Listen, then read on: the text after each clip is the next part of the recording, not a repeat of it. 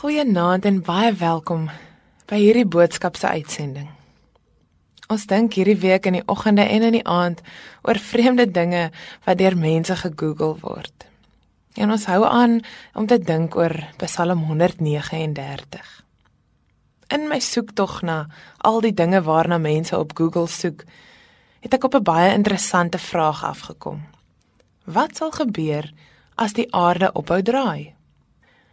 Hierdie vraag het my nogal geïnteresseer omdat dit iets is waaroor ek ook al baie gewonder het.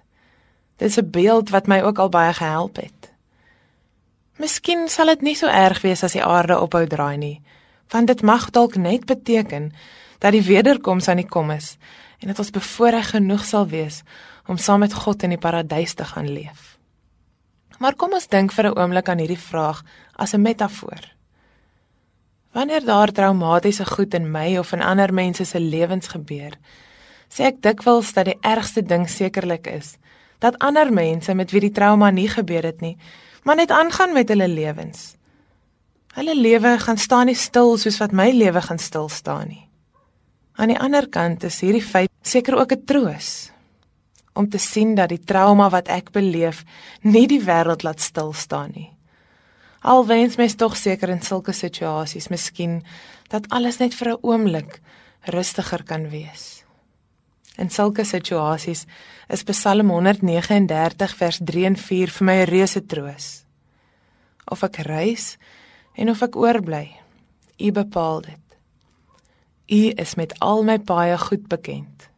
Daar is nog nie 'n woord op my tong nie of U Here weet wat dit gaan wees.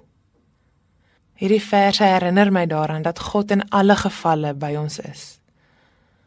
Ja, dat hy ons nie een oomblik alleen los nie. Dat hy alles van ons ken.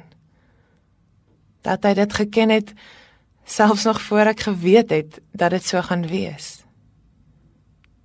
My gebed vir jou is dat jy ook van God se troos en teenwoordigheid bewissel word wanneer dit voel asof die wêreld ophou draai. Here, mag ons weet dat U ons ken. Dat U die woorde op my lippe ken nog voordat ek hulle eers kon uitdink. En dat die wêreld nooit sal ophou draai sonder dat U na hierdie aarde terugkom nie. Dankie dat U by ons is. Amen.